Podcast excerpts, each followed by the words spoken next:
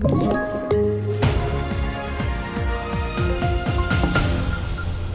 I Ukraina är hela staden Mariupol, förutom stålverket, nu under rysk kontroll. Det hävdar det ryska försvarsdepartementet. President Vladimir Putin har beordrat de ryska invasionsstyrkorna att inte storma stålverket i stan, där det sista ukrainska motståndet finns och runt 2000 civila sägs söka skydd. Vår utrikesreporter Stefan Borg om situationen. En orsak kan vara att Ryssland har haft ganska stora förluster när man har försökt ta det här stålverket därför att det är väldigt svårt eh, eh, om man skulle gå hela vägen fram och, och erövra det helt enkelt. Så det, här, det, det, det blir någon form av status quo där, där eh, eh, en, en, en låst position helt enkelt. Och hur länge den kan vara, ja det vet vi ju inte. Och det här var från en längre sändning om läget i Mariupol som finns på tv4.se.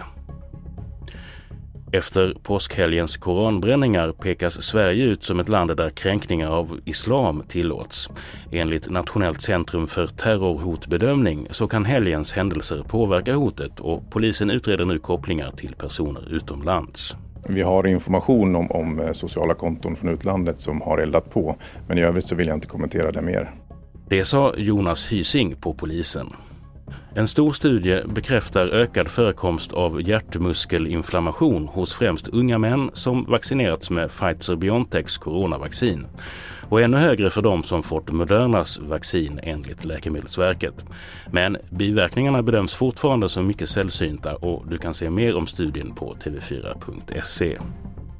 Storbritanniens drottning Elisabeth II fyller 96 idag. Hon firar födelsedagen i lugn och ro på slottet Sandringham i östra England. Men officiellt firas kunglighetens födelsedag först i juni.